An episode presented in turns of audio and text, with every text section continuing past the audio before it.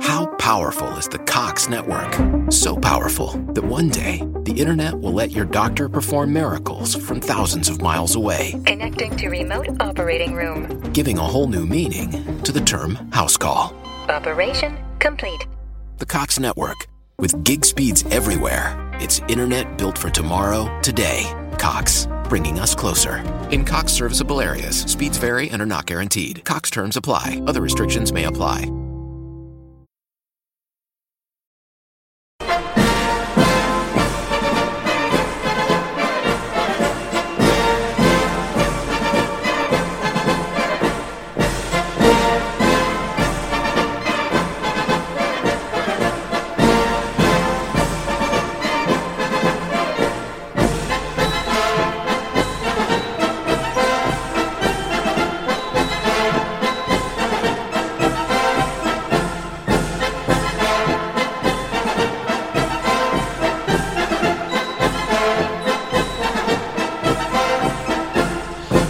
Välkommen till en spännande vandring på gamla och nya stigar. Jag har svårt att tro något annat när dagens ämne heter Ernst Jünger. Han är central gestalt för den nationalistiska högern, eh, men han har under hela 1900-talet sett som en av kontinentens stora intellektuella. Men han har också hela tiden ansetts som en högst kontroversiell tänkare, så pass kontroversiell att SD-are har blivit uteslutna ur partiet bara för att de ägnat Jünger visst intresse. Vi har således med en krutdurk till människa att göra, både i skrift och i handling faktiskt. Vem var då Ernst Jünger och vad handlar hans författarskap om? Det ska jag, Jalle Horn och dagens gäst försöka besvara idag på gamla och nya stigar.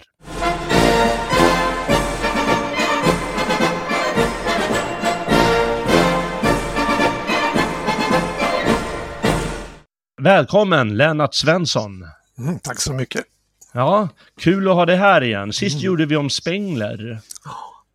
Och eh, jag tittade på eh, någon statistik med antalet eh, tittningar eller nedladdningar och det låg högt uppe ska jag säga. Mm. Jag hoppas att det blir ännu mer populärt eh, dagens program.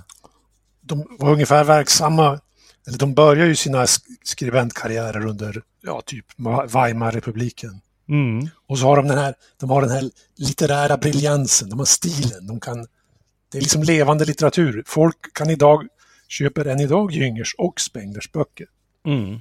Så det är därför jag tycker det är intressant att prata om de här gubbarna. Ja, verkligen. Och de har ju satt eh, djupa spår. Det är klart att Spengler, han var ju mycket, mycket mer läst. Eh, eh, men eh, Jünger har satt eh, lite andra spår. Men, men båda, jag vet inte om Spengler anses kontroversiell, men eh, han är, befinner sig på de där markerna som en, en modern eh, liberal eller socialdemokrat säger att man ska akta sig för. Ja, Till och med jo. Sverigedemokrater säger att man ska akta sig för den här typen av litteratur. Ja.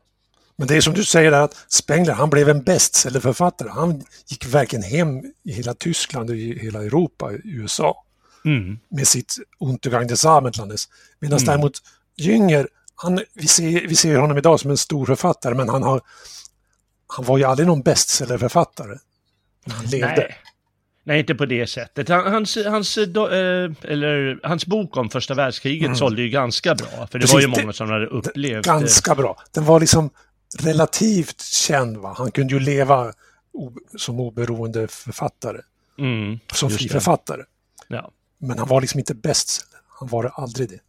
Nej, nej, det är klart. Utan han var väl en så typisk sorts eh, intellektuell som man kan kalla det för, eh, med, ett hel, med helt särskilda erfarenheter som inga andra intellektuella hade, eh, måste man ändå säga, på grund av sina erfarenheter från första världskriget eh, framför allt. Eh, men vi, vi ska väl se, och, och, och vi ska lägga, eh, ska sätta, säga redan från början att han skrev ju både vanliga eh, romaner och en hel del eh, då essäer kan man väl kalla det för.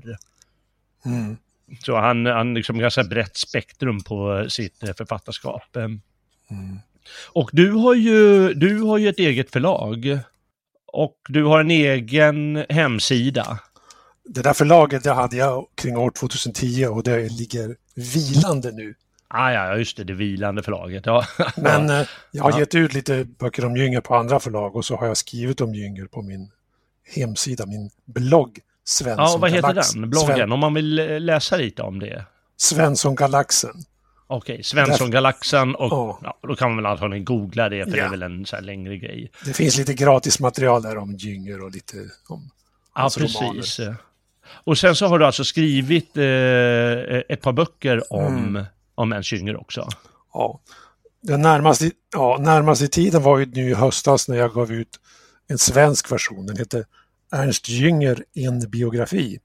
Mm. Och den kom på Logiks förlag och den finns på köpa där på Logiks hemsida. Logik.se ja. Eller om man är i Svenskarnas hus så kan man förstås köpa den också. Ja, det kan man också köpa. Ja, jo, jag har stått och, jag stod och bläddrade i den där eh, när jag var där senast för, eh, ja när var det, i november eller något sånt där. Eh, och, eh, men jag fick inte med mig ett exemplar hem av någon anledning, jag kommer inte ihåg varför, det var väl så mycket uppståndelse och så. Men jag satt och läste lite i den och eh, det var, det var angenäm läsning. Eh, Den bör man absolut köpa tycker jag, för det är väl värt att fördjupa sig lite i Karns liv. För det var långt. Hur gammal blev han? Jag tror han blev 102 år. Ja, 102 år gammal blev han och upplevde alltså hela 1900-talet eh, mer eller mindre. Han dog 1998. Och eh, liksom alla aspekter, första, andra världskriget och allting däremellan och efter och innan. Så det är väl värd, eh, ett väl eh, värt eh, köp, måste jag säga. Mm. Mm. Eh, just det. Och sen så, ganska mycket som har kommit på, på svenska ändå, särskilt på sista åren. Mm. Jag har Jo, skrivit upp några titlar jag har sett. Jag kommer ihåg I Stålstormen kom, eh, det är hans bok om första världskriget. Eh, Och sen så också Storm, en lite kortare eh, roman från första världskriget. En bok som heter Glasbin, Ja. är den från 50-talet eller när ja, den det är en roman. Det är en roman, ja. det är inte hans bästa roman, men den är liksom... Är man en Jünger-fan då ska man köpa den tycker jag. Just det. Eh, Sen en eh, essä som heter Skogsvandringen kom Ja. för några år sedan. Ja, jo, Eh. men den är väldigt... Den är så här... Det är Jünger. Han, han kör sin grej. Ja, Och just där det. är ja. efterkrigstida Jünger. Det är liksom en anarkist som har en lite mer stil över sitt väsende. Han, han sitter inte på kaféer och klagar på regeringen utan han, han går ut i skogen. Just det. Och där finner han sin självständiga, frihetliga tillvaro. Mm. Och det är väldigt sympatiskt. Det är väldigt så här tradd anar- Ja. ja, det är det. Eh, sen eh, så hittade jag, det fanns på nätet gratis, eh, eh, en liten essä som heter Om smärtan. Ja, Vi har eh, nyutgivning av hans mest berömda roman, får man ändå säga, På marmorklipporna. ja. Eh, Den, jag vet, kanske en ny översättning också. Jag kommer inte ihåg, jag har inte Ja, den. de har bara gjort- den gamla översättningen. Jag tror det, det är det här bakhåll. De har gjort en ny översättning och jag, tycker, jag tror inte den är direkt bättre. Nej, det, det är de inte. Men, men, Men- alltså, de, men de, gör, de gör en ny översättning för att kunna... Ja, det blir billigare. Ja, den precis. Det är billigare än att eh, köpa rättigheter till den gamla och Ja, precis. För den Ja, gamla så- översättningen den var gjord av Bertil Malmberg som var poet Precis. och som ju kände till det här tyska. Han kände till det här liksom mentaliteten, den här retoriska Stefan Georg, eh, klassisk Jünger, eh, klassisk bildning, den världen som ju marmorklipporna är. Just det. Och Så det det är är därför- väldigt poetisk, hans översättning. Den är väldigt vacker. Ja, så den finns ju, jag tror den kom på Bonniers först 1950 och så sen var det eh, Bo Cavefors förlag gav ut den.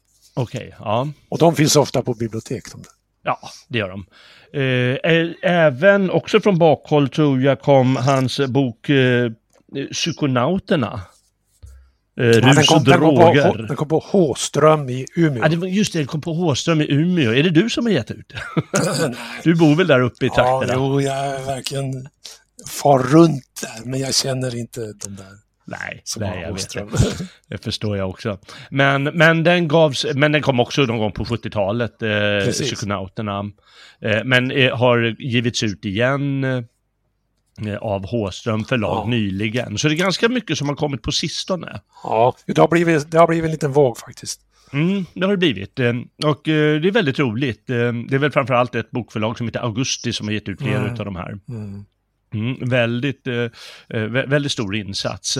Och ganska lustigt tycker jag är att, nu är det ganska länge sedan, 25 år sedan, då kom ju en dokumentär, en ett par svenskar mm. som lyckades eh, Shanghai Jünger mm. när han var så här 95 år gammal mm. eller uppåt 100 nästan. Ja, det var så att de var ute och, de hade varit och intervjuat honom tidigare, före det, några mm. år. Då hade de gjort en intervju som publicerades i Expressen. Mm, just det. Och det var liksom, det var liksom, de var positiva till Jünger. De var liksom, de tyckte han var något att skriva om. Mm. Och det var trevligt. Och så gjorde de sen då den här filmen. Ja. 1998. Ja. Han var ju gammal då, Jünger, och mm. han var väl lite sådär, ja men det ska ju vara smarta killar som ska komma och snacka med mig. Mm. Eh, men jag, jag, läste någonstans att de mutade honom. De hade med en, eh, en, ett originaltryck av eh, Linnés ja. Eh, system med Natura eller vad den heter. Ja, jo visst. Jo, och de gjorde det subtilt. De reste till byn och så bosatt, tog de in på hotell och så liksom lät de meddela att men nu är vi här och vi har en bok av Linné du kan få. eller, du, eller de sa att nu är vi här och vi har en gåva till dig, varsågod. Och det var ju en snygg gest och då blev han ju välvilligt inställd. Ja. Och bjöd in dem till att Precis. Det ska tilläggas att han var ju zoolog och framförallt entomolog, eh, Jünger, att han var insektssamlare. Han har ju till och med några insekter uppkallade efter sig. Mm. Eh, och eh, då är det klart, då, han var ju väldigt stor fan av Linné som sagt. Eh, så då kan man ju fatta att han kunde bjuda på en liten längre intervju. Och filmen heter, alltså en dokumentärfilm, heter 102 år i hjärtat av Europa. och det finns även med sin engelska titel 102 years in the heart of Europe, tror jag den heter. Om mm. man vill försöka hitta den. Mm. Jag tror att det finns säkert någon, någon sketen streamingtjänst någonstans där man kan eh, kolla på den.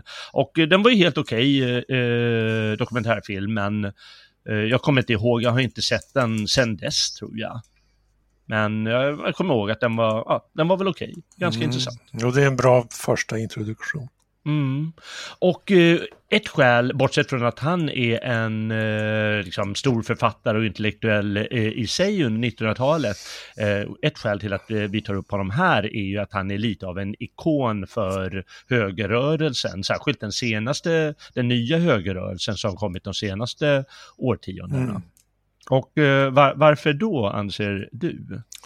Ja, alltså direkt när han hade gett ut i Stålstormen på tyska, i första utgåvan där, där var det ju liksom en, där hade han en nationalistisk appell på slutet och, som sa att ja men, ja, den sa att vi måste kämpa för att återupprätta en tysk storhet. Mm. Det där tog han bort i senare utgåvor av den. Mm. Men liksom då på 20-talet, då var han ju nationalist. Han var ju med i eh, veteranförbundet Stahlhelm Mm. Och han skrev ju massa artiklar i deras tidningar och i andra tidningar. Som sa att ja, men vi är nationalister, det är, vi är emot den borgerliga världen. Mm. Vi vill inte ha kvar den här Weimarrepubliken. Mm. Och det var ju liksom helt klart i samma läger, i vid mening i samma läger som Hitler och eh, nationalsocialisterna. Och det gör ju honom kanske kontroversiell då. Mm. Det har vi ju fått höra i gång efter annan. Att ja, det var är så kontroversiell. Han var så väldigt... Men ja, vi som har lite skinn på näsan, vi kan ju ändå läsa de här artiklarna och ta del av hans åsikter om att ja men det krigarlivet det är härdande och det, det är bättre än det borgerliga livet när man sitter och bara rullar på tummarna i stugvärmens mm. trevnad. Just det. Och eh, jag menar, en del av den här borgerligheten är givetvis eh, eh, liberal demokrati, eller som det heter nu för tiden, socialdemokrati. Mm. Och ehm, eh, liksom den sortens kapitalism som, ja, ändå som har frodats hela, hela 1900-talet. Eh, och den anti, jag vet, inte, jag, ska, jag vet inte om jag vill kalla det antinationalistiska rörelsen, men men eh, det är det väl kanske inte, utan men i alla fall att han, han såg ju för en radikal nationalism på ett annat mm. sätt. Eh, inte den här ljumma borgerliga nationalismen bara, utan liksom lite kraftigare heroisk nationalism kanske. Mm. Och det är ju förstås ett skäl till att han eh, eh då eh, ja, blir lite av en ikon som jag sa. och förstås sina upplevelser från första världskriget där han har förmågan att, eh, det kommer vi komma in på just i boken I stålstormen framförallt,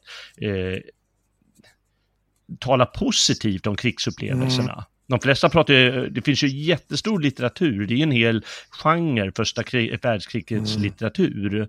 Men eh, den, det mesta är ju om de negativa känslorna som han har upplevt och de fruktansvärda, men han skriver något positivt av det. Ja, och samtidigt kom han med något nytt. Det var inte sådär den gamla retoriska kejserliga stilen att hurra för kejsar Wilhelm och låt det bestående bestå, utan han var mer en, liksom en modern radikal, en modern högerradikal. Han sa att ja, men det gamla kanske måste delvis slå sönder. Mm. Men då ska det växa fram en ny, en ny regim, ett, ny, ett nytt rike ska komma och det ska ledas av Centraleuropas nya elit, mm. Eh, stormtrupperna. Mm. De som kan, om de kan med samma iskyla eh, organisera det nya livet i industriellt och eh, samhälleligt med samma lugn som de stred i skyttegravarna, då kommer vi att få se en väldigt stark stat. Just det. Och sen så kom ju förstås kriget och eh, han, han var inte så mycket för eh, nationalsocialisterna, eh, men eh, under efterkriget eh, så är han, som du har skrivit här någonstans i våra anteckningar, lite, lite ljummare och lite mer, jag ska inte kalla försiktig, han har ju, han har ju kvar sitt gamla mm. jag. Det är bara att han har en, en ny kontext att förhålla sig till. Precis. Och eh, då är han inte lika aggressiv som man skulle kalla, kalla den här radikala nationalismen för. Men han är ju fortfarande vad vi skulle kunna kalla en högerman, eh, mm. tankemässigt sett. Jo, men han, liksom, han, går, han är tillmötesgående, han liksom öppnar en dörr mot mainstreamen på något mm. sätt han bevarar ju sitt traditionella, eh, sin traditionella tro. Och han är ganska mycket inne på kristendomen då. Mm. Men i alla fall kristendomen som en tradition att liksom, ja, alla behöver inte vara soldater utan det finns även fromhet och eh, det finns även, ja det finns liksom, det finns värde i att odla en trädgård också. Ja, och bygga, bygga, bygga, tempel. Mm, så på det ja. sättet blir han liksom tillmötesgående mot annat än radikal nationalism. Ja. Och det där kanske vissa tycker att han sålde sig lite, men jag ändå, han måste ju skapa ett nytt sätt att leva, ett nytt ja. modus vivendi. När ja, efter, att ha gått, efter att ha gått igenom första och andra världskriget som ju på sätt och vis hör ihop. Mm, det var liksom precis. 30 år av väldigt hårda strider. Både ja både i, i krig och både i, eh, i ekonomiska kaoset och annat under mellankrigstiden. Så att, ja, precis. Det var en ny jo. tid som man måste ställa om sig lite. Ja, det måste man göra. Och han var ju 50 då efter kriget. Exakt. Så då, nå, någonstans måste ju liksom krigarandan, liksom den, den aktiva krigarandan, eh, läggas åt sidan lite. Mm. Och det gjorde han förstås. Mm. Men, men var verksam som skribent då hela tiden. Ehm, ja, vi ja. måste nämna någonting också som, som jag har skrivit så här, eh, Sverigedemokraternas rent mongoloida inställning till eh, gyngerläsande. Mm. Vad va, va är det för pajaseri? Jag är ju beredd att eh, jag vet inte vad, vad, jag, vad mina glå, jag vill inte säga glåporden här va, men jag har liksom i, i, mitt sinne har jag bara tänkt en miljard glåpord till de här fyras gäng och mm. de som är i närheten som har mobbat ut folk ur partiet och uteslutit dem och dragit igång ärenden bara för att de har läst lite Jünger. Ja, jag tror att det var, det var ju framförallt en man, det var Patrik En. Ja. Han var en lovande partimedlem där. Mm. Och då var det våren 2013 efter att han på sin hemsida, tror jag det var, hade han hade rekommenderat Jünger och ja. lagt upp lite bilder. Och då var det att han hade fascinerats av nationalisten och militärskribenten Jünger. Mm. Men liksom, ja, det var, det var för mycket för Sverigedemokraternas ledning. Ja, för mycket. Han, han avböjde ju massa inbjudningar från, från nationalsocialisterna, eh, Jünger. Ja. Och han var ju aldrig med i partiet eller något sånt. Nej, precis. Nej, men det där nyanserna försvinner så är det ju hela det här ah, kulturkriget ja. som vi för att ja, det går inte fram. Jünger, ja, är idag i Sverige offentlighet. Han är en bad boy. Mm. Och det liksom bara är så. Ja, det, det var samma som när en skribent på Svenska Dagbladet, Ivar Arpi, han citerar också Jünger. Mm. Där med att en man, han ska försvara sin familj och yxan kommer då bra till hands. nu vet jag inte, jag har för mig att det är... Det, jag tror att det var så att det var ett citat av Jünger, men han angav inte exakt att det var det. Men mm. det kom då fram att ja, men det där är Jünger och då, ja, då blev Ivar Arpi sett som kontroversiell och så... Ja. ja. Samtidigt ska det sägas att det är en hel, en hel del intellektuella i Sverige som har befryndat sig lite med, med, med Jüngers skrifter, för de kan ju inte låta bli givetvis. Nej.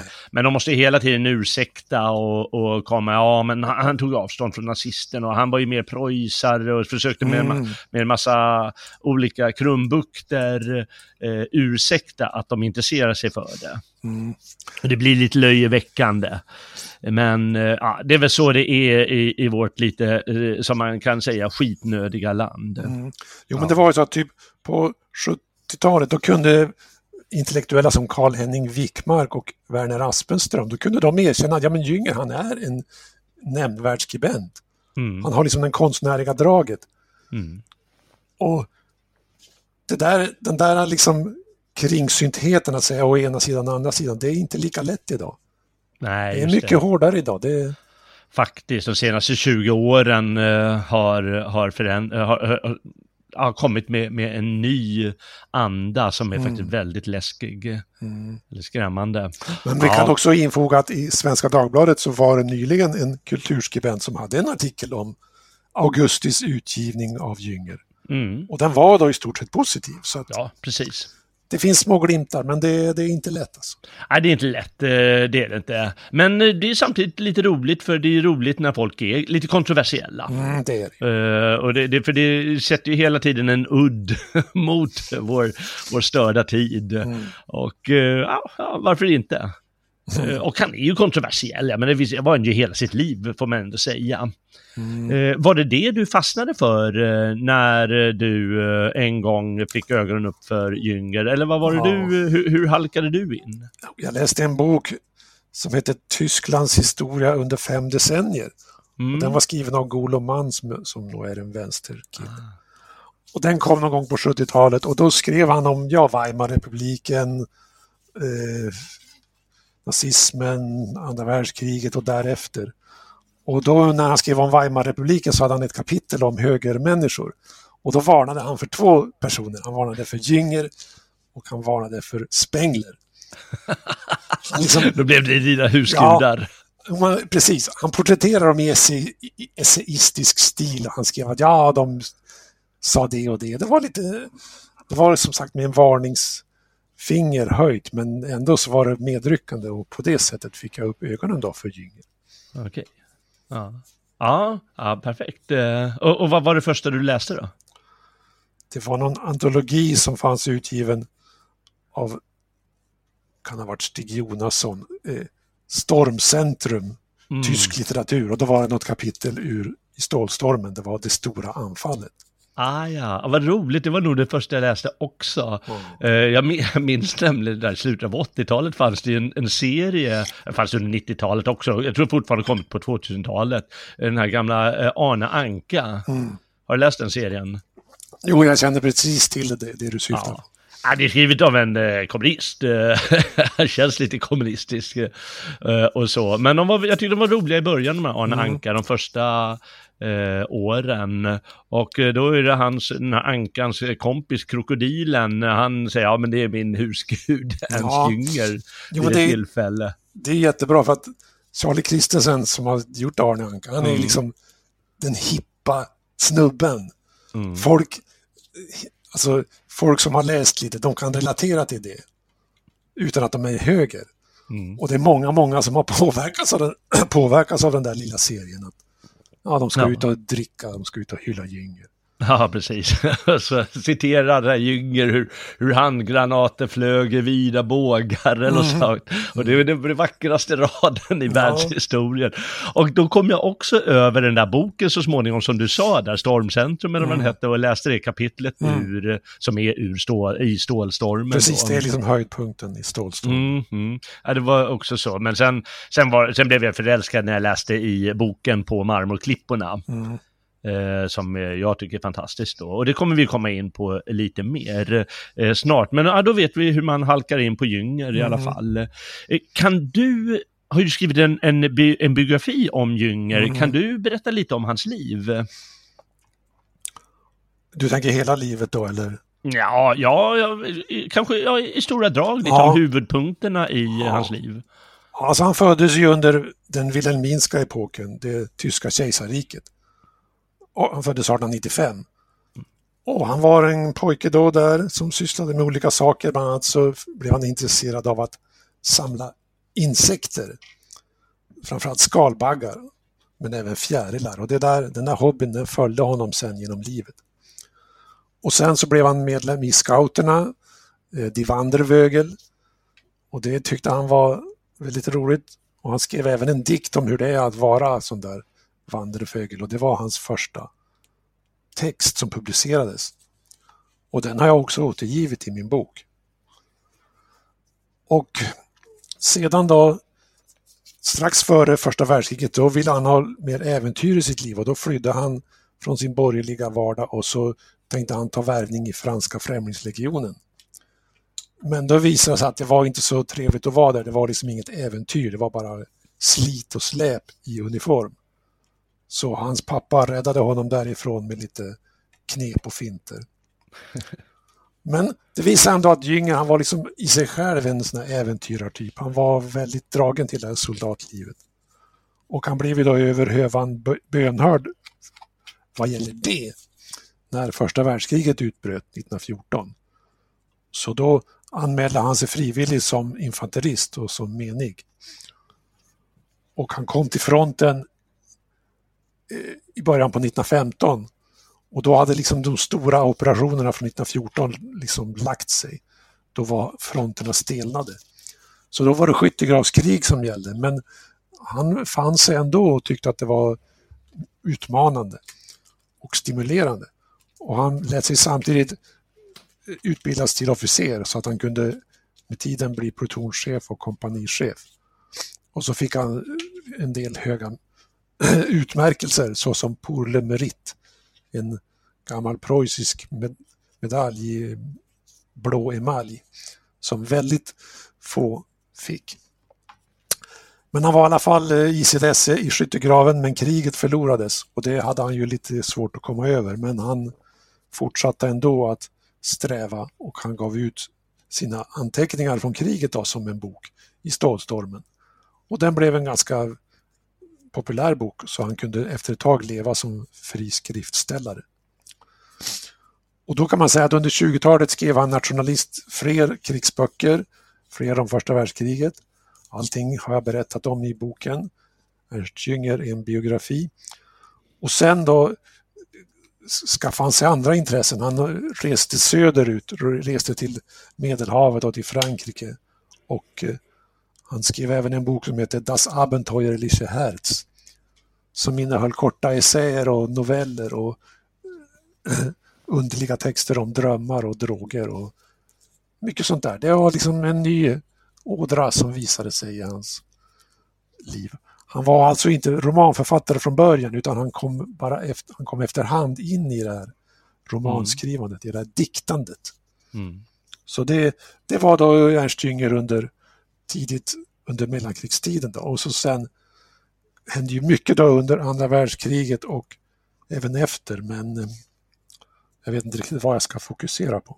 Ja, vi kan ju säga bara, bara för de som inte känner till att eh, han, eh, han bodde i Berlin på, eh, jag vet inte, från 1927 eller något sånt till mm. 33 eller 34. Ja, det. Och det var ju liksom, det var ju mycket, så mycket som hände då. Och då höll han ju fortfarande på med den här nationalistiska rörelsen och skrev sina artiklar. Mm. Men sen flyttade han därifrån, vet jag inte varför. Jag tyckte det kanske det blev lite för mycket som hände och var inte ja, helt förtjust i, i, nazisterna. Precis, det var, det var lite för intensivt att bo där. Det var, mm. det var, det var, som författare kan man ju bo vart, nästan vart man vill. Ja. Så då flyttade och, han ut Just det. Och han träffade ju, han träffade ju flera av de som kom att bli nazikofferier och liksom i inre kretsen och så vidare. Mm. Men uh, han var inte helt förtjust i, i dem och han var inte helt förtjust i, i uh, Hitler heller. Nej, Utan han... han redan då satte, ställde sig väl lite vid sidan av den rörelsen. Ja, det var någonting som höll emot där. Alltså, det var inte riktigt möjligt. Det var liksom på personpsykologiskt plan för Jünger. Det var inte möjligt för honom att gå med där. Nej, precis.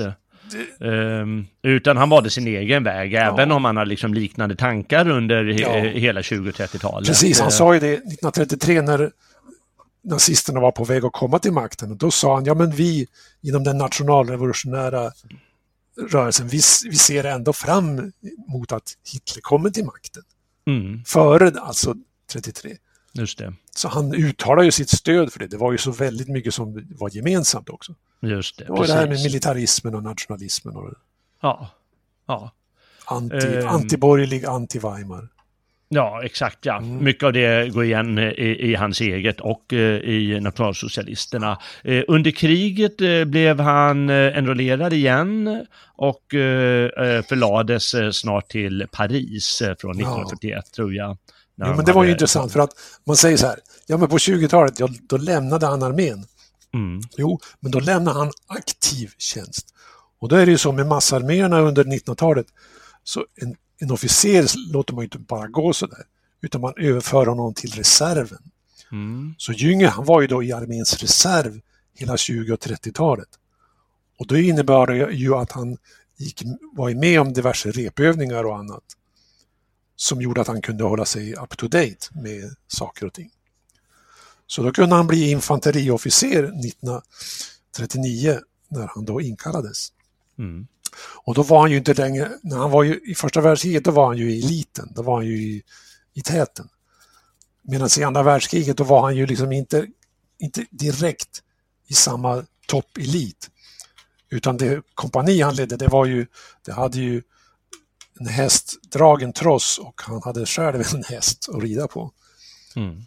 Så det var fortmarscherande infanteri, men de gjorde ju ändå, det var ju ändå väldigt höga krav. Och de var ju fit for fight 1940 när de tog in i Frankrike. Men Jünger upplevde inte några många strider där. Det var liksom, han sa till sig själv, ja men det är att man kan inte gå ner två gånger i samma flod. Det är liksom, jag har gjort mina äh, stormattacker. Det gjorde jag under första världskriget, nu är det andra världskriget. Det är liksom inte riktigt min grej nu. Ödet har inte föreskrivit för mig att vara stödtruppsanförare längre. Just det. Så han spenderade kriget bakom ett skrivbord. Ja, precis. Och eh, han var väl relativt nöjd med det. Eh, sin vistelse i Par eh, Paris var man ganska nöjd mm. med. Ja, det var ju redan lyxtillvaro. Alltså ja, han, vi kan inte säga att han, att han njöt av tillvaron. Han, hade ju liksom, han, han, han led ju av tidsandan. Det var liksom hårda mm. tider. va. Mm. Men ändå, sett, i, sett rent allmänt så var det ju en lyxtillvaro. Han bodde på hotell och kunde äta. Ja, exakt. Och, för, och, och umgås med så här Picasso och liknande människor mm. som bodde i Paris. Ja, och, eh, andra intellektuella och konstnärligt lagda personer. Eh, så det var ju ingen krigisk tillvaro, men, eh, men, men det. Och han var som, som många andra inom, eh, det, eh, inom tyska riket allt mer lite skeptisk till eh, mm. vad som hände. Särskilt när, när det började vända kriget givetvis. Mm. men de, de, vissa nazister ville sätta dit honom. Eh, vissa inom toppen. Och, men Hitler själv lät honom alltid eh, vara. Nej, men rör inte Hitler, eh, rör ja. inte Jünger. Han, han, är, han, han är förbjuden att röra. Jo, för att Hitler, han, han, hade, han hade präglats av att läsa Jüngers i Stålstormen. Mm. För det liksom hade han alltid en svag en svaghet för Jünger. Mm, precis. Eh, så han klarar sig ur kriget uh, och levde vidare. Jag tror att en av hans söner, eller kanske enda son, han dog i slutet av kriget. Mm, hans, hans äldsta son. Hans äldsta son, ja precis. Men han själv kom helskinnad därifrån. Han blev efter kriget, som många andra tyska intellektuella, förlagd med utgivningsförbud. Mm av amerikanarna. de berömda censurerarna, de gillar censur. Eh, men han började skriva så småningom igen. Eh, mm. Eh, förstås och bodde väl nere i Bodde nere i Bayern eller Baden-Württemberg då? Jag tror han bodde i samma ställe där han bodde under kriget. Det var Wilflingen i Sachsen. Utanför, jag tror Hannover. Aha, Aha, utanför Hannover. Okej, okay, ja. Och sen så flyttade han då söderut. Just det, sen gjorde han det. Okej, okay. men i västra delen av Tyskland. Han, han blev inte DDR-are utan Nej, han precis. Han hade haft turen att bosätta sig före kriget i, i västra Tyskland så han ja. bli ja. sovjetiserad. Just det. Och eh, ja, där levde han, eh, kan man säga, resten av sitt liv då eh, som, eh, ja, som skribent helt enkelt. Mm. Men han blev, han var, blev ju allt mer, han blev ju liksom, trots att han var kontroversiell och så, så var han ju eh, hyllad av, eh, av många. Han var ju liksom en intellektuell figur och, och, och Goloman tar upp honom som en typisk person eh, som, som man ska akta sig lite för. Jo. Eh, så, så han, han var en man diskuterade, så, så bara SD-arna vet det, att eh, liksom presidenter och, och allt möjligt har intresserat sig för honom. Mm. Mm. Ja, han var ju lite, generellt så var han ju lite ute då under 50 och 60-talet. Mm. För då skulle man ju vara vänster.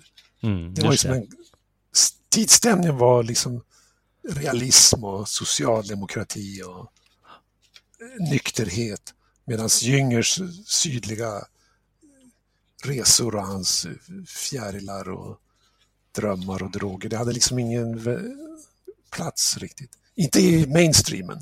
Nej. Men han var ju ändå hela tiden utgiven. Han gavs ju ut hela tiden i, i han skrev nya böcker och de gavs ut och sålde hyfsat. Så. Ja. Det är inte svart och vitt. Nej. han, Nej, var, han var en udda figur i förbundsrepubliken men ändå, han, hade, han levde ju väl och han var ju respekterad här och där. Mm, precis, och kan, man kan ju säga också att eh, eh, när hela den där andan har lagt sig lite så har han ju fått en lite renässans, eh, yes. eh, särskilt åtminstone på våra breddgrader efter sin död. Att det ges ju som sagt ut och det är ju till och med intellektuella som eh, eh, vill gärna skriva om honom och så vidare. Ja, jo, men det är ju så. Det började med att på 80-talet hade han en, renässans i Frankrike. Mm, för där hade han varit ända sedan 30-talet känd. Han var ju ja. känd för stålstormen där. Mm. Och han var ju, och sen har ju, ja, i Tyskland, ja, jag skulle vilja säga att under 2000-talet så har han också börjat få sin renässans i Tyskland. Mm. För det har ju kommit två tjocka biografier om honom. Mm. Skriven av Helmut Kiesel och en annan av Helmut Schwilk. Mm. Det är riktiga sådana här tjocka tegelstensbiografier. Ja, och det, man blir liksom inte populär i Tyskland om man säger att Jünger är the man. Men ändå, jag tror att i tysthet så är Jünger den, en av de helt klart största författarna. Mm. Ja. Han, Jünger och Nietzsche, det är liksom de två stora tyska författarna. De, är idag mycket större än Kafka som var mm. på 70-talet och där kring var ju den enda stora författaren. Ja, just det. Skulle läsa Kafka för hela slanten. Ja, det var då det. Nu är det, det är mycket mer diversifierat. Det är mycket mer spännande fält. Ja, men det kan man nog säga att eh, att det är. Även om det är liksom väldigt mycket mainstream som gäller så finns det under den här mainstream-ytan så ja. finns det sånt där och det ges ut som du säger, skrivs biografier och, och så. Och eh, ja, vi kan ju säga det också, så, du sa ju Nietzsche där, att eh, Jünger han tillhör ju den här eh, sortens intellektuella, det är några stora namn, det är Nietzsche och så är det eh, Spengler och så är det Heidegger och så är det Jünger det är liksom ja. fyra av de största ja, namnen precis. vad gäller de som, som är, anses kontroversiella och som ja, har ett, liksom ett laddat budskap. Och, och prata om nästan livsfilosofisk eh, eh, stil. Mm. Jo, men det är den stora tyska traditionen av att av vara-filosofi. Ja, precis. Där, där, man, där man erkänner att det här med att, att existera, det är något märkligt ändå. Mm. Det går inte bara att reducera verkligheten till någon mekanisk veten, naturvetenskap. Nej. Det har vi ju levat i sedan 1945. Men då mm. där Jünger, Heidegger, Spengler och Nietzsche, de har ju en annan, mer vitalistisk, en mer en djupare syn på det hela. Och, det, ja. och de bygger ju då på en, på en äldre tysk filosofi. Typ, ja, i någon mån det är liksom Hegel och Fichte och Kant mm. och de där. Mm. Och konstnärligt så bygger de också på Johann Wolfgang Goethe. Mm. Det är ju liksom det nya idag. Mm. Att den där traditionen fortfarande tillåts leva. Och jag tror att den där traditionen den har alltid funnits i Tyskland. Den har inte gått att liksom kväsa. Nej, nej. Därför, att, därför att Tyskland är ett så stort land. Det finns liksom flera centra, det finns flera stora universitet där det kan finnas små liksom fickor av motstånd. Ja. Och det är den receptionen som gör att Jünger idag är på väg att bli kingen. Ja, precis. Det, det, finns ju en stark tradition i Tyskland, bildningstradition, mm. och eh, det går liksom inte att rensa ut den hur som helst. Eh, utan de, de håller sig eh, aktuella, eh, de här även kontroversiella personerna. Mm. Det är sant. Men, men bara så man vet vilken tradition han tillhör och jag, jag också, tycker ju det är en angenäm och intressant tradition. Jag, jag har ju väldigt svårt för så här analytisk filosofi och, och, och, och en mer vad ska man säga, liberal, demokratisk litterär tradition mm. och, och, allt vad det är.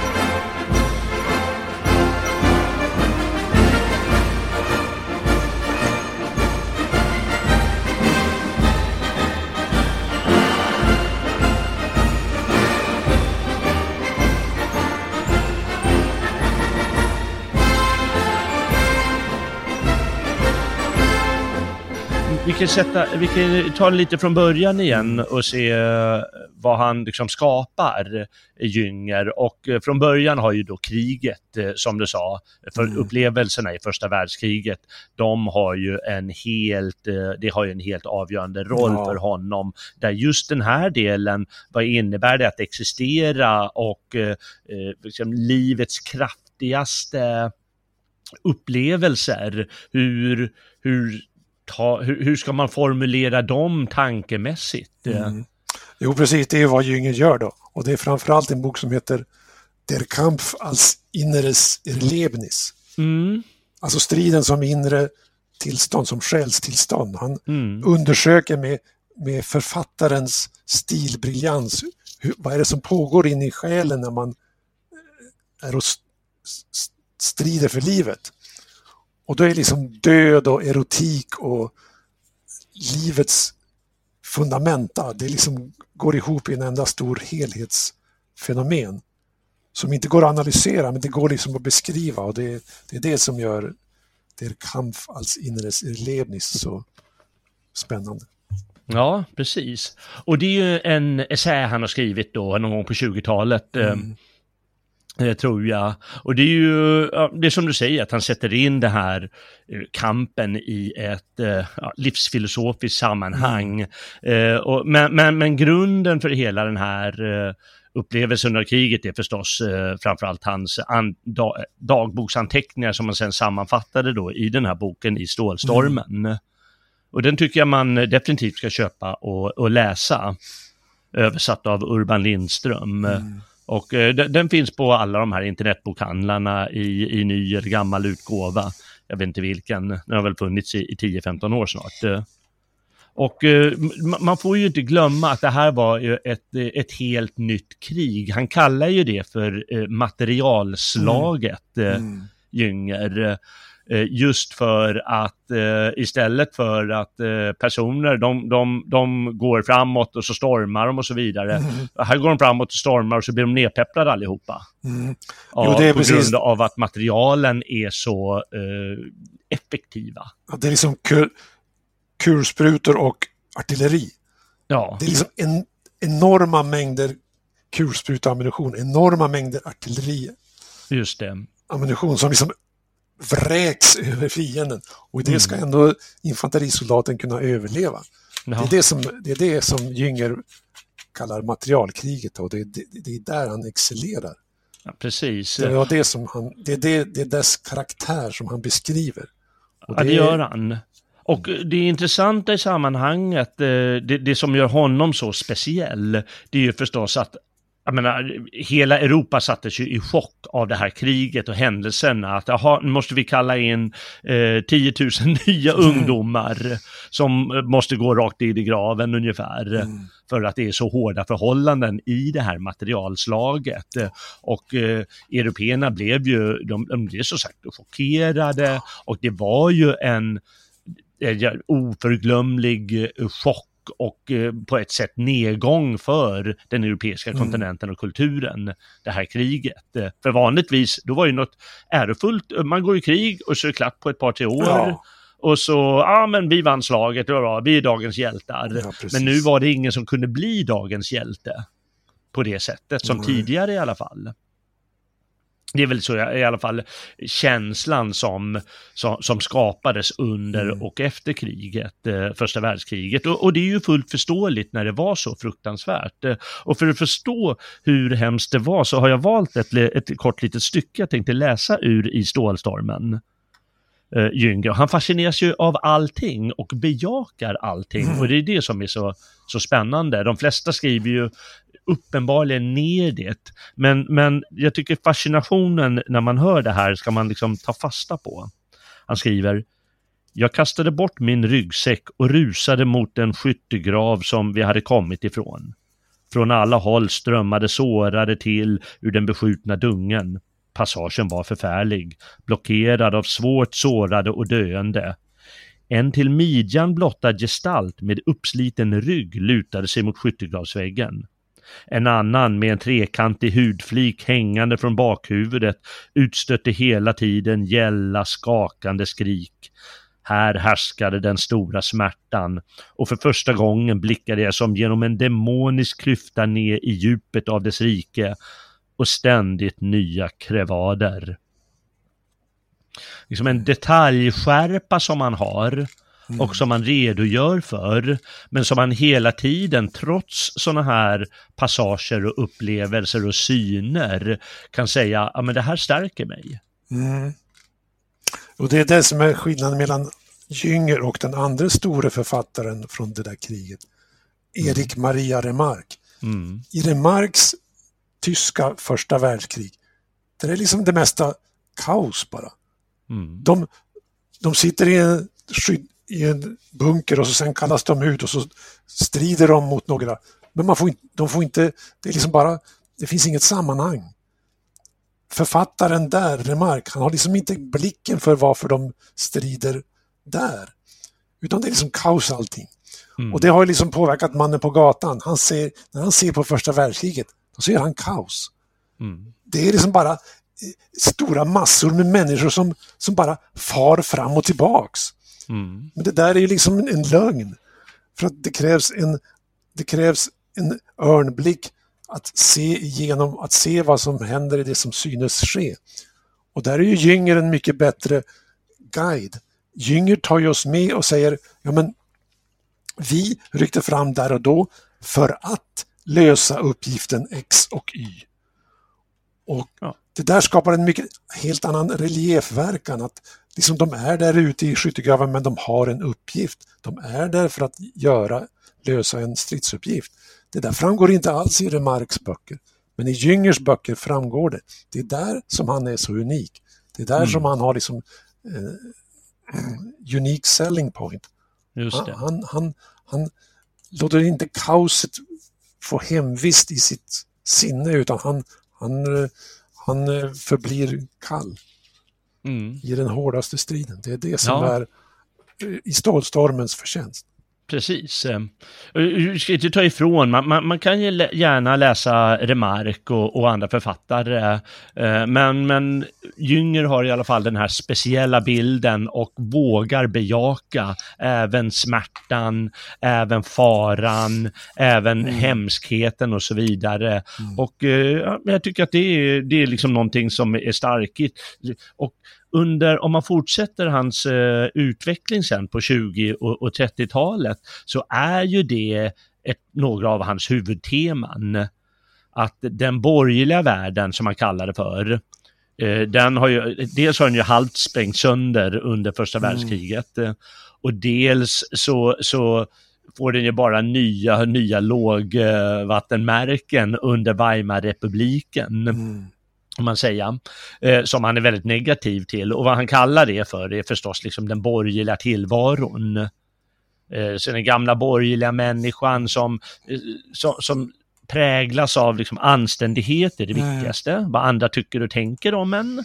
En sorts präktighet därmed, mm. hela tiden ha nyttokalkyler för mm. sig.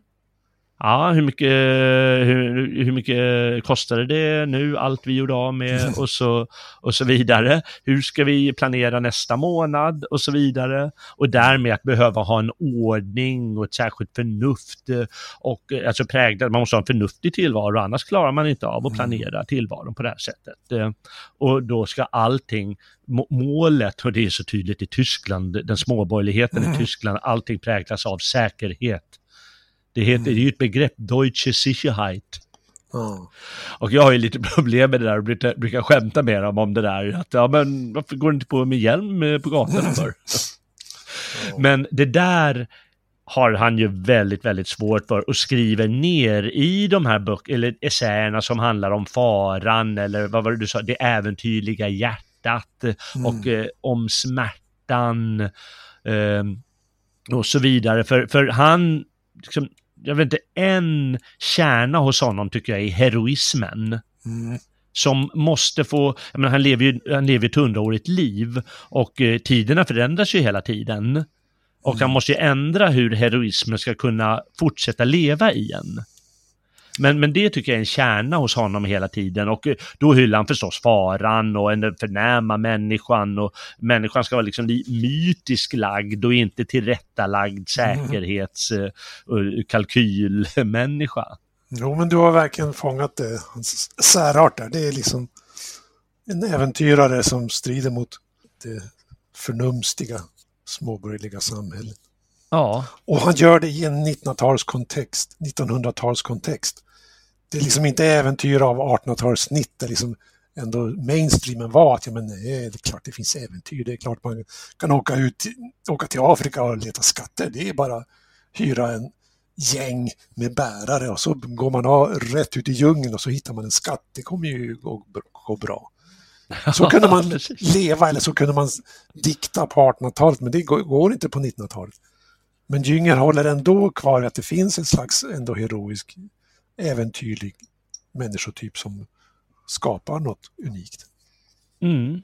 Ja, det måste ju göra, eh, tycker jag. Annars är väl inte människan värd att vara människa kanske. Och i det här sammanhanget på 20-30-talet så är det just den här eh, nationalrevolutionära, eh, lite aggressiva essäkonsten han driver mm. och skriver många, många artiklar som du sa i början för den här Stalheim och, och uh, allt vad de heter. Mm. Uh, men det, det, kan man faktiskt läsa i en svensk bok uh, som heter Preussiska anarkister. Jag vet inte om det är så träffande, han var väl inte så mycket preussare egentligen. Han var ju så, uh, niedersaxare och uh, halvt bajrare. Mm. Men, men det är en helt okej okay bok. Eh, Ernst Jünger och hans krets under Weimarrepublikens krisår. Mm. Kanske man kan hitta på bokbörsen eller något sånt. Eh, preussiska anarkister, eller kanske i vanliga bokhandlar också om man kollar på Adlibris eller Bokus. Ja, de, ja de, jag tror de gav ut den i en nyutgåva faktiskt. Ja, de gjorde det? Augusti, okay. så mm. den kan finnas om man är en yngre fan. Ja, och även om han Heidegren, han är lite, framförallt i hans andra bok eh, som heter eh, om just det här temat, Ernst och Friedrich, eh, Friedrich Georg Jünger. Mm. han är lite sillmjölksaktig. Mm, jo, och det är, väldigt alltid... mycket Gynger, ja, måste han vara så hård? Mm. Man får den känslan. Jo, precis. Det där, det där sentimentet, det ju, finns ju ingenting av det i min bok. Nej. För att när jag, när jag gjorde forskning för min biografi, då fann jag liksom två böcker på engelska. De heter Thomas Nevin och Elliot Newman. Mm. Och de hade skrivit Into the Abyss och vad de nu hette. Mm. Men det var liksom populär okej okay att de skrev populär eh, historiskt om Jünger. Men det var alltid där, men det var något skeptiskt med honom, det var något konstigt med honom. Han var mm. lite för väl.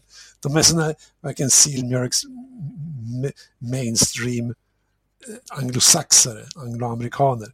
Ja. Och det är där man, jag, jag får spader på det där. Det är därför jag måste skriva då min Jüngerbok som först kom på engelska och så sen nu finns den på svenska. Ah. Ja, bra gjort. Ja, det är liksom ett annat sentiment i min bok än i de andra. Är... Ja, men det är mycket bra. Och, så man får, man får läsa lite mellan raderna, men just i den här preussiska anarkister, den tycker jag är ganska bra, för han ändå tar upp tidsandan, mm. han tar upp de här radikalerna och eh, man, man fångar det någorlunda bra tycker jag. Uh, så den kan man gärna läsa tycker jag, Preussiska anarkister, om man vill ha lite av den tiden. Och, och sen så kom, eh, började ju uh, kriget, och strax före kriget då gav han ut sin mest beundrade roman, får man säga, På marmorklipporna. Mm. Och det är en av mina favoritböcker. Ja, jo men den är en milstolpe. Ja, det är det verkligen. Den brukar ju kallas en förtäckt kritik av Hitler och mm. nazismen. Oh. Och man kan givetvis läsa den så. Eh, men jag brukar för... Jünger själv sa att Nej, men det är klart man inte ska läsa den så. Gud vilken tråkig bok det blir oh. i så fall. Ja, alltså han, han har förenklat det lite där. För att naturligtvis, den är ju påverkad av sin tid. Ja. Och han har på andra ställen så har han medgett att ja, men det är lite grann av tredje riket i den. Mm. Det har han medgett. Det finns ju en, en det är någon man som heter Först Sundmyra i den. Mm, just det. Och då har han själv sagt Ynga, ja men det där, jag har förutsett Stauffenberg i den där just gestalten. Det, just det.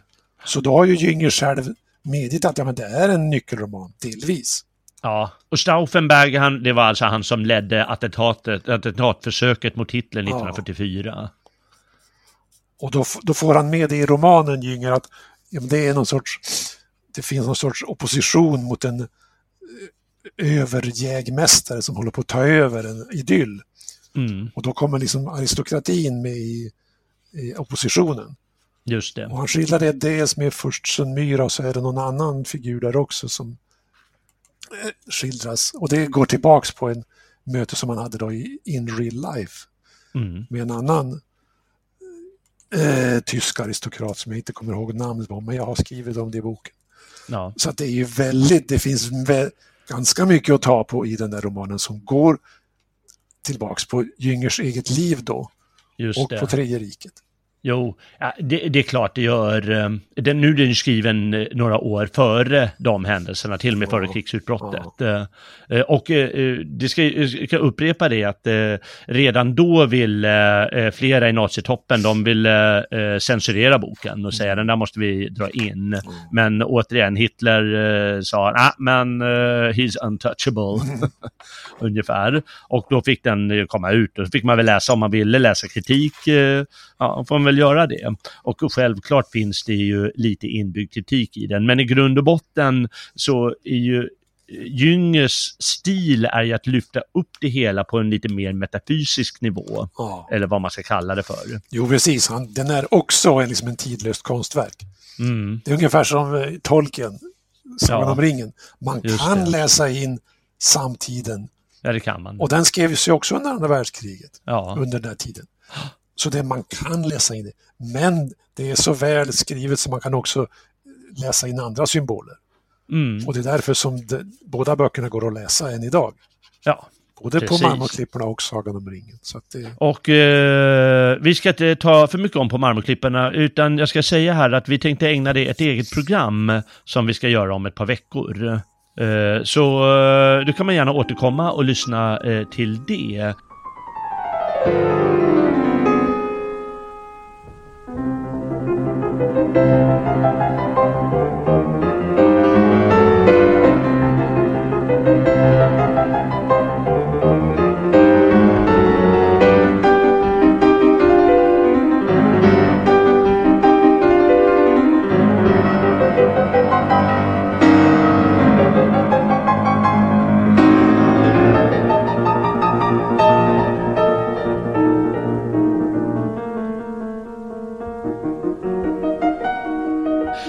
Nu ska vi gå vidare och, och, säga att han var ju förlagd där framförallt i, i Paris under kriget och han skrev ju eh, dagböcker.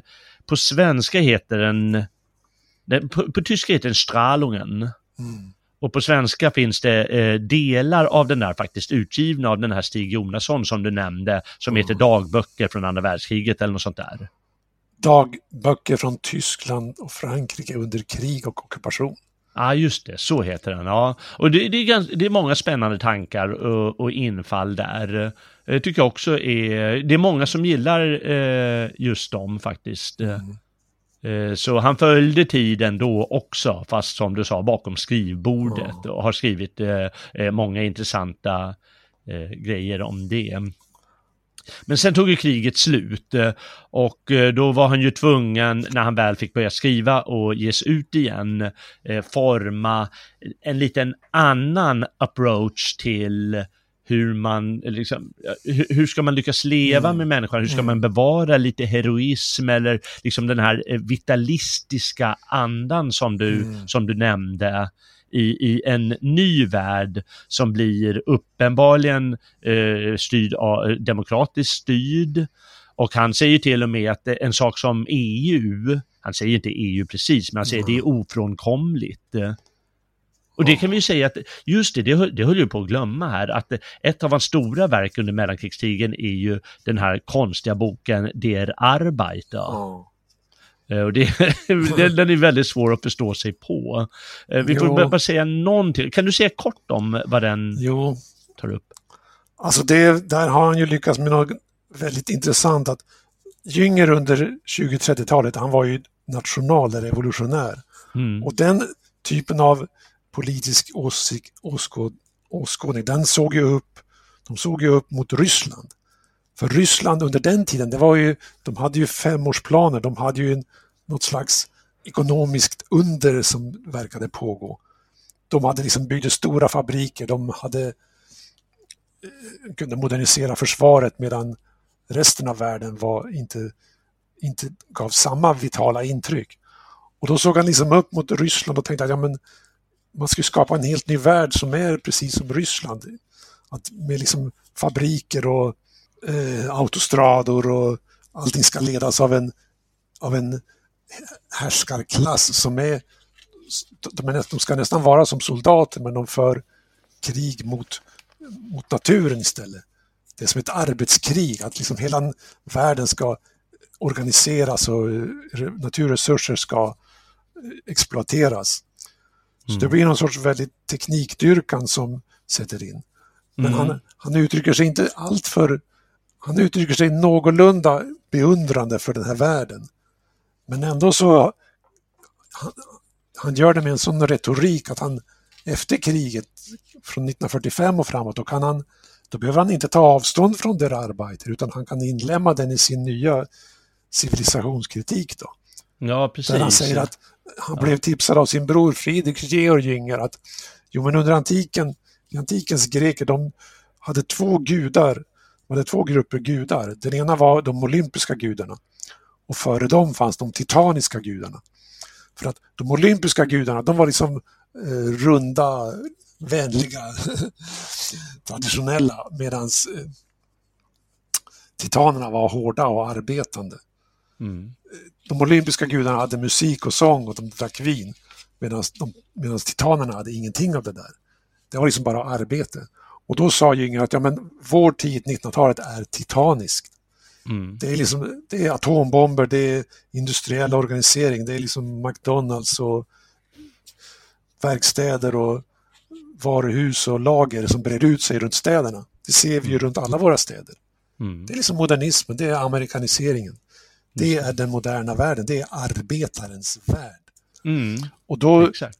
länkar han ju själv då, Jünger, in kritik på det där och säger att ja, det måste finnas något mer än att bara vara en, att se på allt detta med titaniskt tillfredsställelse och bara tycka att ja, men vi ska ha mer, mer motorvägar och mer industrier och mer vi ska hugga ner alla skogar och alla gamla städer ska jämnas med marken och allting ska vara industrier och robotar.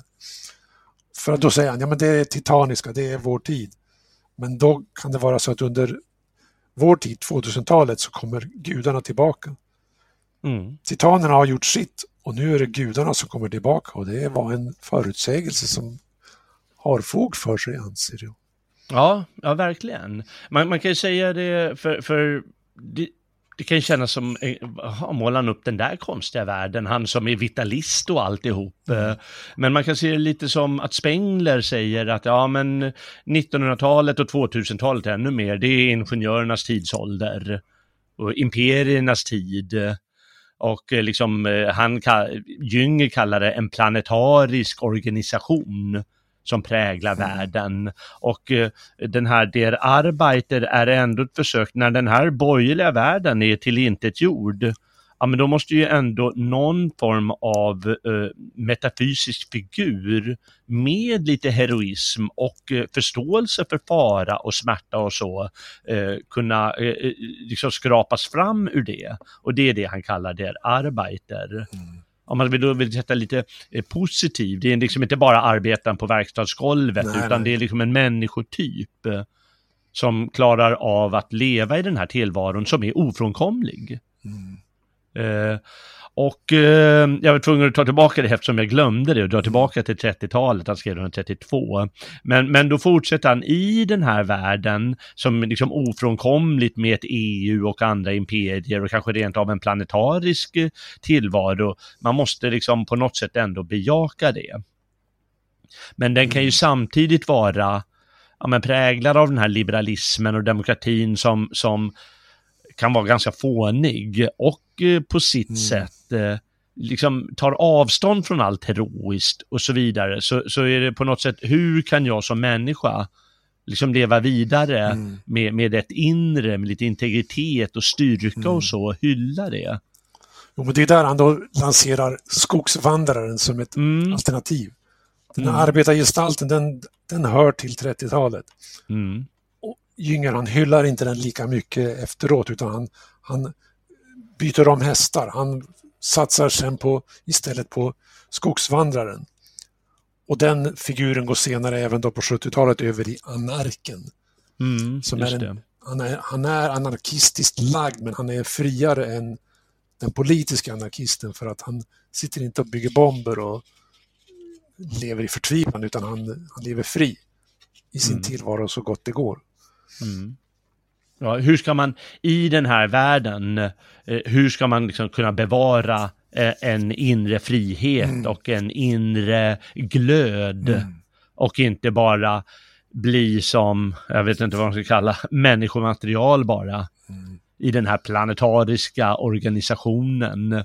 Eh, så han, han, är inte negativt inställd till en sån sak som EU och sen så kanske han inte såg han var ju inte så politiskt lagd ska väl sägas. Men han såg ju inte liksom vad det har blivit som det har blivit idag. Nej. Ganska äckligt med Nej, EU. Han, alltså, Jünger han upplevde inte den här äh, PKismen som ju började växa sig stark från 1995 eller, mm. och där kring.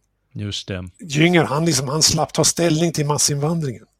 Ja, just det, han slapp göra det. Han, ja, det, han slapp undan, han hade narrow escape, han var gammal, han hade gjort sitt. Så mm. att det, det, det, det som vi kritiserar idag, PKismen och det här verkligen kulturkriget som råder idag, det har inte han riktigt tagit ställning till. Men han var ju ändå, han kan ge oss ändå impulser till traditionalismen i stort då. Hur ja. man förhåller sig till den moderna världen. Ja, precis. Och där är han ju en, en för oss väldigt viktig figur. Vi kanske inte kan känna igen den här, för vi har ju inte upplevt någonting som kan liknas vid det han upplever i Stålstormen. Mm. Men vi förstår skogsvandraren eller vi kan förstå anarken. Mm. Eller vi kan förstå dem som i en, vad, vad jag ser som som du säger, genom politisk korrekthet ytterst förtryckande värld mm. som inte bara förtrycker, ah, du får inte skriva eller du får inte publicera utan du får inte tänka ens. Mm.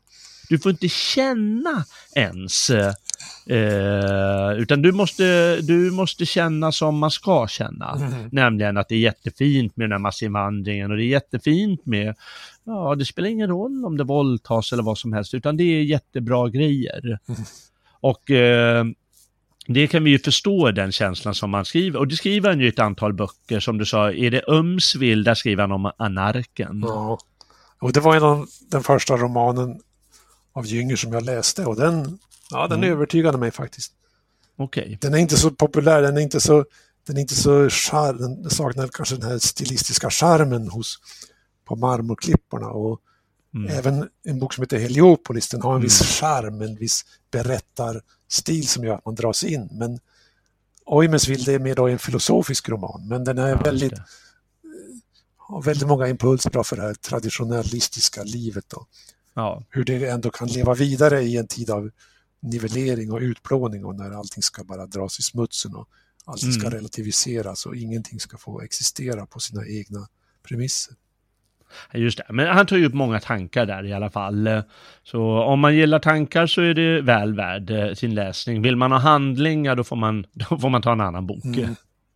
Ja, men man kan väl kanske sammanfatta honom som att han, han väljer, istället för den aktiva delaktigheten som han pratade om på 20 30-talet, hur vi ska mm. eh, ja, i nationalrevolutionär anda liksom, skapa ett nytt samhälle, mm. så är det mer att eh, ja, men jag är anark, jag sitter bredvid och kommenterar och lyckas, eller jag är skogsvandrare eh, som eh, som, som lyckas bevara min inre frihet och, och glöd och, och, så i ett kanske förfallande samhälle eller i ett eh, lite samhälle utan glöd med, med ruttna värden eller någonting. Mm. Eh, det, jag vet inte riktigt hur man ska fånga det exakt, men, men det gäller att, att vara, eh, att inte ta eh, aktiv delaktighet i alla fall, på samma sätt som man tyckte tidigare. Jo, han, han försöker manövrera sig in till en position där det är Umesvil och det anarken, han blir, som, han blir symbol för allt det som är, det mm. den, den smarta mannen. Han, är som, han står över allt. Han är inte ja. engagerad. Man kan inte, man kan inte komma åt honom. Han lever fri i sin egen bubbla på något sätt. Mm. Samtidigt som man lever då bland människor. Men det, ja, det kan bli lite för mycket till slut. Där, att Ja. Jünger är anark, anarken är Jünger, allt Jünger gör är bra, det går att motivera med referenser till historia och litteratur. Så att, ja, det är ganska imponerande, men det, det blir lite pedant, lite, lite krampaktigt. Ja, det är kanske inte riktigt samma glöd som till exempel på Marmorklipporna Nej. och eh, den här glöden som finns i hans essäer då från 20 30-talet. Eh, eh, det, det, är det ju. De har lite mer konstnärlighet. På Manonklipporna mm. har konstnärlighet. Man liksom dras med av symbolerna. Ja, det gör av man. Det där, av, de blir, det är små gamla tradition, medeltidsstäder vid en sjö och det är, de bor i en liten eremithydda uppe på ett berg och de samlar blommor och de... Ja, det är många fina symboler där som gör den boken levande. Ja, det blir det verkligen. Och eh, han har ju eh, en sorts eh, symbolisk framställningskonst. Eh, det, det, är lite svårt att sätta ord på den här genren. Ibland så kallas det eh, ma, He, Hermann Hesse. Du, du skrev att han liknar Hermann mm. Hesse på ett sätt. Och Hermann Hesse brukar också alldeles för eh, lätt etikerat kallas här lite någon form av magisk realism. Ja. Jo, men ändå, det, det ligger någonting i det. För att det är inte diskbänksrealism. Det är liksom Nej, det är inte Ikea-prosa, det är inte typ 1 Och jag vet ingenting om tysk litteratur idag, men jag har ändå på känn att det är liksom, det ska vara elände och Hetta mm. Müller och det ska vara Kafka. Och, okej, okay, Kafka är inte något bra exempel, men mot diskbänksrealismen så sätter då Hermann Hesse och Jünger, de sätter liksom något slags symbolistiskt leverna, att de, de kan skildra olika miljöer och då, då, är de inte helt bundna av att hur det exakt ska vara då, enligt någon uppslagsbok, utan de kan låta symbolerna styra. Ja. Det är liksom symboler av överflöd, symboler av sol, djur, blommor. Det är liksom sådana rikedom, guld, ädelstenar. Det är sådana där symboler som styr och som är viktiga. De har liksom verklighet. Mm. De är inte bara några platonska diffusa bilder som, som man ser i ett töcken, utan de är representerade här och nu i våra liv. Mm. Det är det man får en magisk realistisk känsla av hos Jünger och i de bästa texterna hos Hermann Hesse.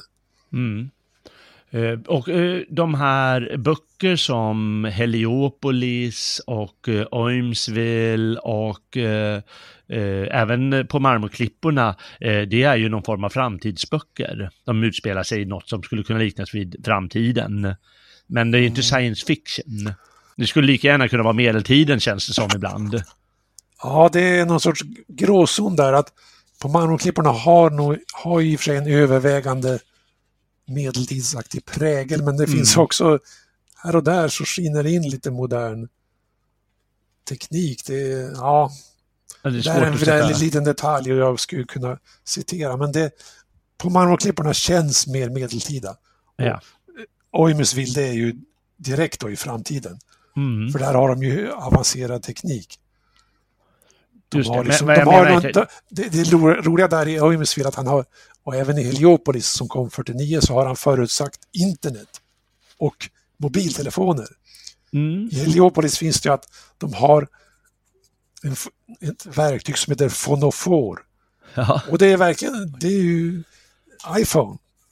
Liksom, ja. Med en handdator så kan man köpa biljetter, man kan tala med folk, man kan se filmer, man kan göra snart sagt allting.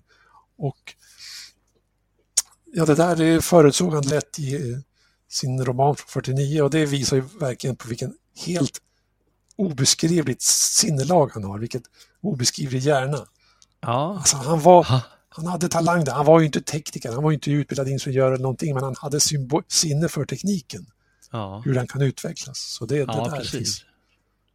Och, men men vad, jag, vad jag menar med det är att eh, det är liksom inte science fiction-berättelser och det är inte så mycket koncentration på, på, det, på det tekniska Nej, i de här det, böckerna. Det är inte amerikansk science fiction, utan Nej, man utvecklar sig mera, det är mera europeisk science fiction. Ja. Det är någon slags, det är mera H.G. Wells, Jules Verne, Thea von Harbo, Metropolis. Ja, det och det är ju fokus på tankarna ja. och idéerna eh, snarare än eh, den här spännande handlingen ja, där, eh, där maskinerna blir en del, sugs in eller blir en del av att få en spännande handling. Ja. Och, och det jag menar med att det, det det, det, är lika, det, det, är på något sätt tidlöst. Mm. Det är ungefär som om man då jämför med Hesse och tar eh, hans eh, största bok, Glaspärlespelet det är ju också framtiden, men det känns liksom inte som framtiden.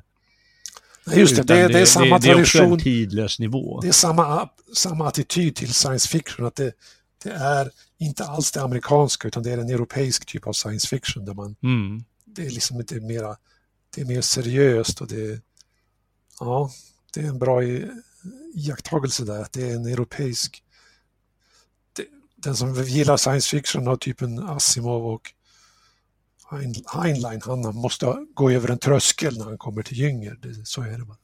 Ja, precis. Ja, det, det är en annan framställningskonst helt ja. enkelt. Men den är, är, angenäm eh, på sitt sätt och en annan intressant sak tycker jag är ju, han, han är ju som sagt insiktssamlare och han, han, håller på att ägna sig åt det hela sitt liv, att han har ju ett särskilt sinne för detaljerna. Och det märks ju också i, särskilt i, i Stålstormen redan, mm. eh, som, som få andra har. Och eh, det ger, ibland blir det lite för mastigt med det. Men ibland ger det en särskild känsla när man läser. Ja, jo, han, är, han var ju, han skrev ju en polerad prosa. Liksom mm. Väldigt kortfattad, väldigt på något sätt ganska tät. Men så skulle det också ha en, en skön klang, det skulle liksom ha det här retoriska draget som och den kan vara svår att vänja sig vid, men när man har vänt, vant sig vid den, då är det som en sällsynt skimrande språkmetall. Ja. Som han är ganska ensam om. Ja, ja faktiskt. Och eh, oftast eh, tänkvärt, verkligen. Han tillhör ju en stor tysk tradition, eh, men han är då så eh, egen sinnig i den här traditionen med sina erfarenheter från kriget och med sitt idé att inte glömma faran och smärtan och alla de delarna som det innebär att vara människa. Och till skillnad från många andra så har han just erfarit allt det här jag menar, han, var ju, han blev ju skadad 14 gånger i första världskriget och så lappar de ihop honom och skickar tillbaka honom till fronten. Han har ju liksom med sin egen kropp och med alla sina sinnen har han varit med om det där. Och eh, det får då ta plats i hans, eh, ja, i, i alla hans eh, böcker på något sätt. Ja, har du någon bra sammanfattning av Ernst Jünger? Eller säga någonting som vi har glömt så här när vi har kommit fram till, ja, när vi gått igenom det mesta av hans mm. verk? Ja, nej alltså det är ju så att Jünger har getts ut på svenska sedan 1950. Mm. Då kom på marmorklipporna på svenska. Och sen dess har jag liksom, han har ändå stadigt funnits med oss där. Han har översatts. Alla hans centrala verk finns översatta till svenska. Men då är det också så att om man kan läsa tyska så finns det, ja, det finns bortåt 10-20 böcker som är värda att söka upp. Till exempel, han skrev ju en, han skrev ju en dagbok från 1965 till det han dog på 90-talet. Det var ju som flera band och den heter Siebsich Vervet. Och där kommenterar han ju stort och smått då. och det, ja, det finns en del guldkorn i den faktiskt. Mm. För att då är det inte som att förr under första världskriget skrev han dagbok och det blev i Stålstormen. Och sen eh, under andra världskriget skrev han dagbok och det blev ju tre böcker. Det blev eh, Gert Rundstrassen, Strahlungen och Jahr der Occupation. Och det där finns ju också utgivet på svenska. Men sen den här sena dagboken från 1965 och framåt, den, ja det är någonting för fantasten. Där kan ja. man läsa. Det och den är inte heller så svår. Alltså han skriver ju generellt, ibland den efterkrigstiden Jünger, han är inte så jättesvår att läsa. Utan Nej. han skriver relativt korta meningar.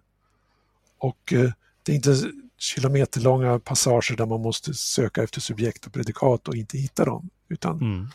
Det, det, kan rekommenderas för den mm. svenske Jüngerfantast. Ja. Och så sen finns det, där finns en roman som är oöversatt som heter Ditt sville som kom på 70-talet. Och den handlar om en ung pojke i Wilhelminska Tyskland. Och den har inte jag läst, men den, den finns oöversatt. Så mm. där kan man kolla. Och så finns det en roman från 80-talet som heter Farligt möte. Ja, just det, just det. Ja.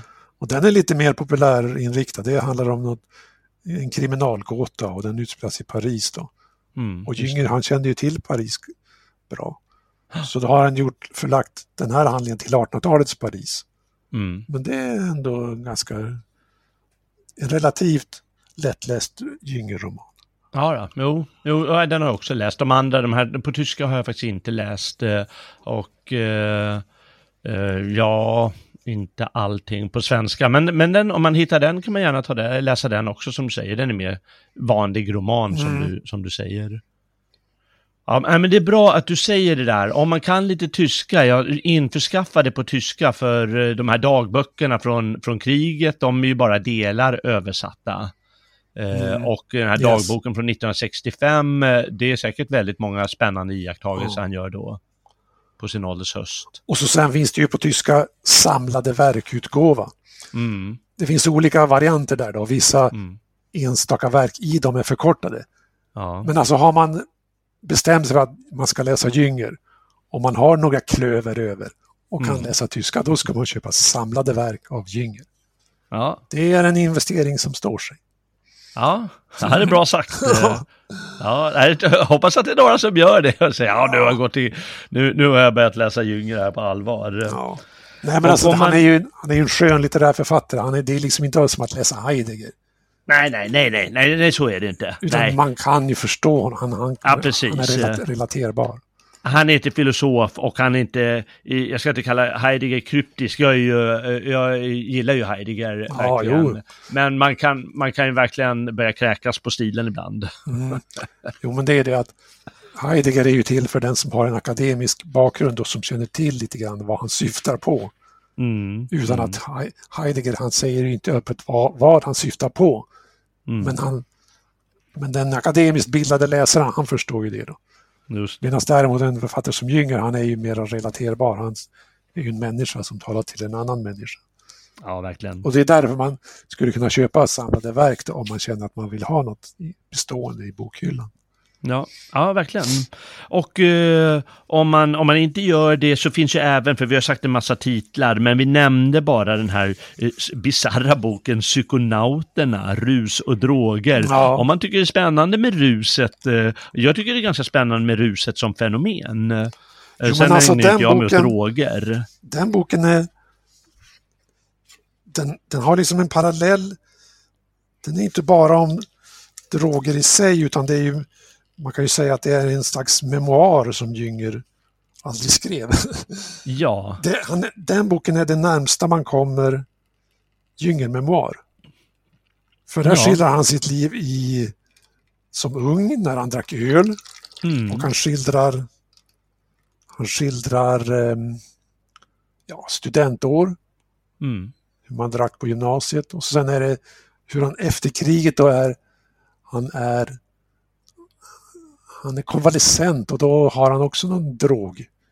Ja. Eh, eh drogerfarenhet. Mm. Och sen fortsätter då, det är lite grann 20-30-tal. Han liksom lämnar in ganska osökt det här med droger och sitt liv. Så att det blir en memoar. Det är något man måste ta emot med öppen hand faktiskt. Och han har ju provat allting, det var ju både alkohol som du sa och hashish och eh, LSD. Han har ju provat rubbet, galningen. Ja, jo, allting visst, för faran och, och den, det heroiska sökandet. Jo, men det där med att ta LSD under vetenskaplig ledning, det var det andra som gjorde också ja, det var på den det. tiden. Mm. Det, var en, det var en drive bland de som hade kontakter. Ja, precis, det var det. Och eh, för den som eh, ägnar sig åt bildning och, sådant så är den ganska angenäm den här boken. För det, det, kom, det blir Maupassant och det är Baudelaire och det är Wagner ja, och det liksom visst. återkommer lite alla möjliga intressanta figurer. Jo, men den, är, den har väldigt charm den här psykonauten. det har. Mm. Så, så den kan man ju också ta och skaffa. Annars som sagt, eh, den här preussiska anarkister tycker jag verkligen man kan eh, eh, läsa om man vill läsa om den tiden och de här nation, mer nationalistiska eh, skrifterna och tankarna som fanns då. Eh, Exakt. det tycker jag verkligen. Det är en bra introduktion till den där. Ja, det är det till den världen, ja. Precis. Ja, men det, eh, det är det verkligen. Och eh, om man vill förbereda sig för vårt eh, program om på marmorklipporna, spring till, spring till datorn. Det finns ju inga, tyvärr inga bokhandlar nu för tiden. Men, och, och köp den, kan man ju förbereda sig, för den är ju bara på 100, 150 sidor knappt. Mm. Så det kan man ju läsa ganska fort om man vill förbereda sig för det programmet. Ja, det är ju verkligen en bok som man kan ha glädje av även senare. Så att... Det kan man. Och eh, det är ju som sagt en, en, en tycker jag då, en av eh, inom tysk litteratur särskilt 1900-talets största klassiker. Eh, det, ja. det, den, den, lever upp till, till det tycker ja. jag. Den alltså, det, jag skriver det i min bok att ja, men varför fick man inte höra talas om på marmorklipporna när man läste var skolelev? Då skulle det bara vara Karin Boye, Harry ja. Martinsson, Kafka, Kafka, Kafka. Det var bara det där. Det var, fanns inte, inte en aning av att nämna Ernst Jünger i liksom skolans litteraturhistoriker. Mm. Det, skulle, det, det, det, var verkligen... Ja, nu har vi... Har ju, man har ju kommit över det där. Man har ju tagit igen det genom att vi idag lever i en bättre Jünger-värld. Mm. Men liksom det var något konstigt med att växa upp där på 60-70-talen. Att, ja, det var liksom, ni vet att diktaturen är på väg. Det är 1984. Det är, allt är förbi.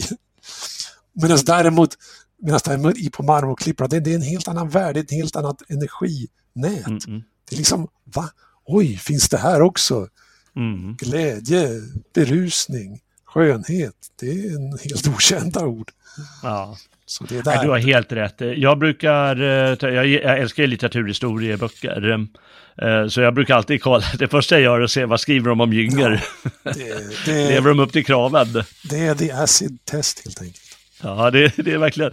Och eh, jag ska faktiskt säga att jag har skrivit en, jag har skrivit gymnasieböcker. Och jag tar minsann upp både i Stålstormen och på Marmorklipporna i den. Aha, ja, Men det är den enda gymnasieboken i hela Sverige som överhuvudtaget nämner Jünges namn. Aha. Det kan jag lova dig. Oh, ja, men det var ju verkligen... Ja. Eh, någon ska ju göra det också och, och eh, som sagt han är väl värd att nämna och eh, man bör definitivt eh, eh ägna sig, ägna honom lite, eh, lite tanke och intresse tycker jag verkligen, särskilt om man är inom den mer nationella sfären. Och inkörsporten är ju givetvis, tycker jag, din bok då som finns på Logik förlag. Mm. Den, den kan man alltid börja med om man bara vill ha hans liv och, och verk i, i, i, stora drag. Mm. Mm. Så den slår vi verkligen ett slag för. Kan du säga igen vad den heter? Ernst Jünger, en biografi. Ah, mycket enkelt. Thank you.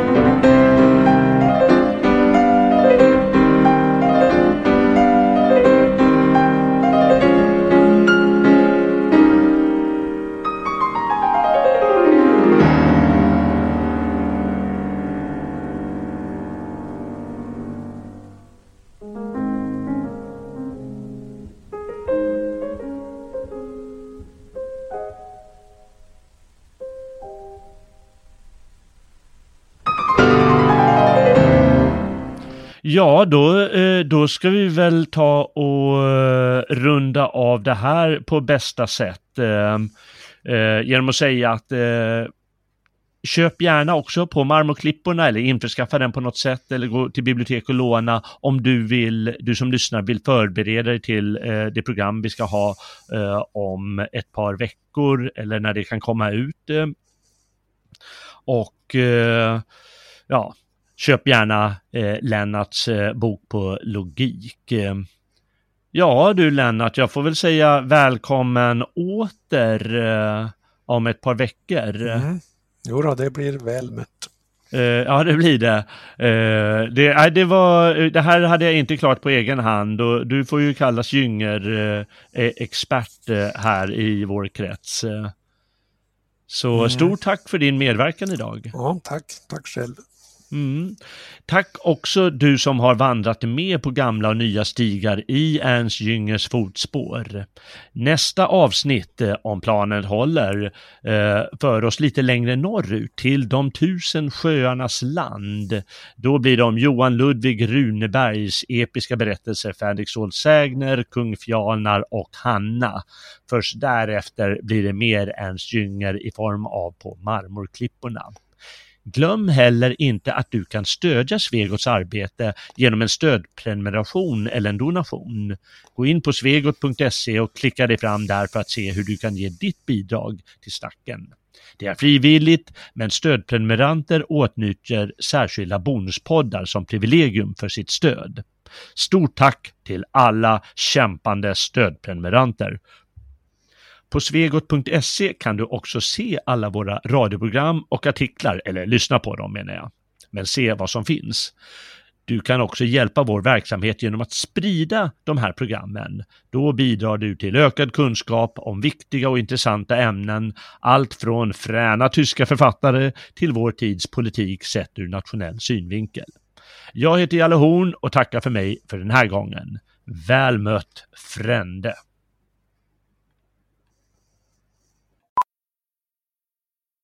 How powerful is the Cox network? So powerful that one day the internet will let your doctor perform miracles from thousands of miles away. Connecting to remote operating room. Giving a whole new meaning to the term house call. Operation complete. The Cox network with gig speeds everywhere. It's internet built for tomorrow, today. Cox, bringing us closer. In Cox serviceable areas, speeds vary and are not guaranteed. Cox terms apply. Other restrictions may apply. When you're drinking a frozen beverage from McDonald's, your brain may not like how refreshingly cold it is. But the rest of your body? Oh, yes. It's gonna relish every moment of it. Because there are drinks. Then there are drinks from McDonald's. Get all the chill you need for just $1.69. From any size frozen drink, like a frozen Fanta Blue Raspberry, to a new ice cold lemonade. Prices and participation may vary, cannot be combined with any other offer. Ba-da-ba-ba-ba.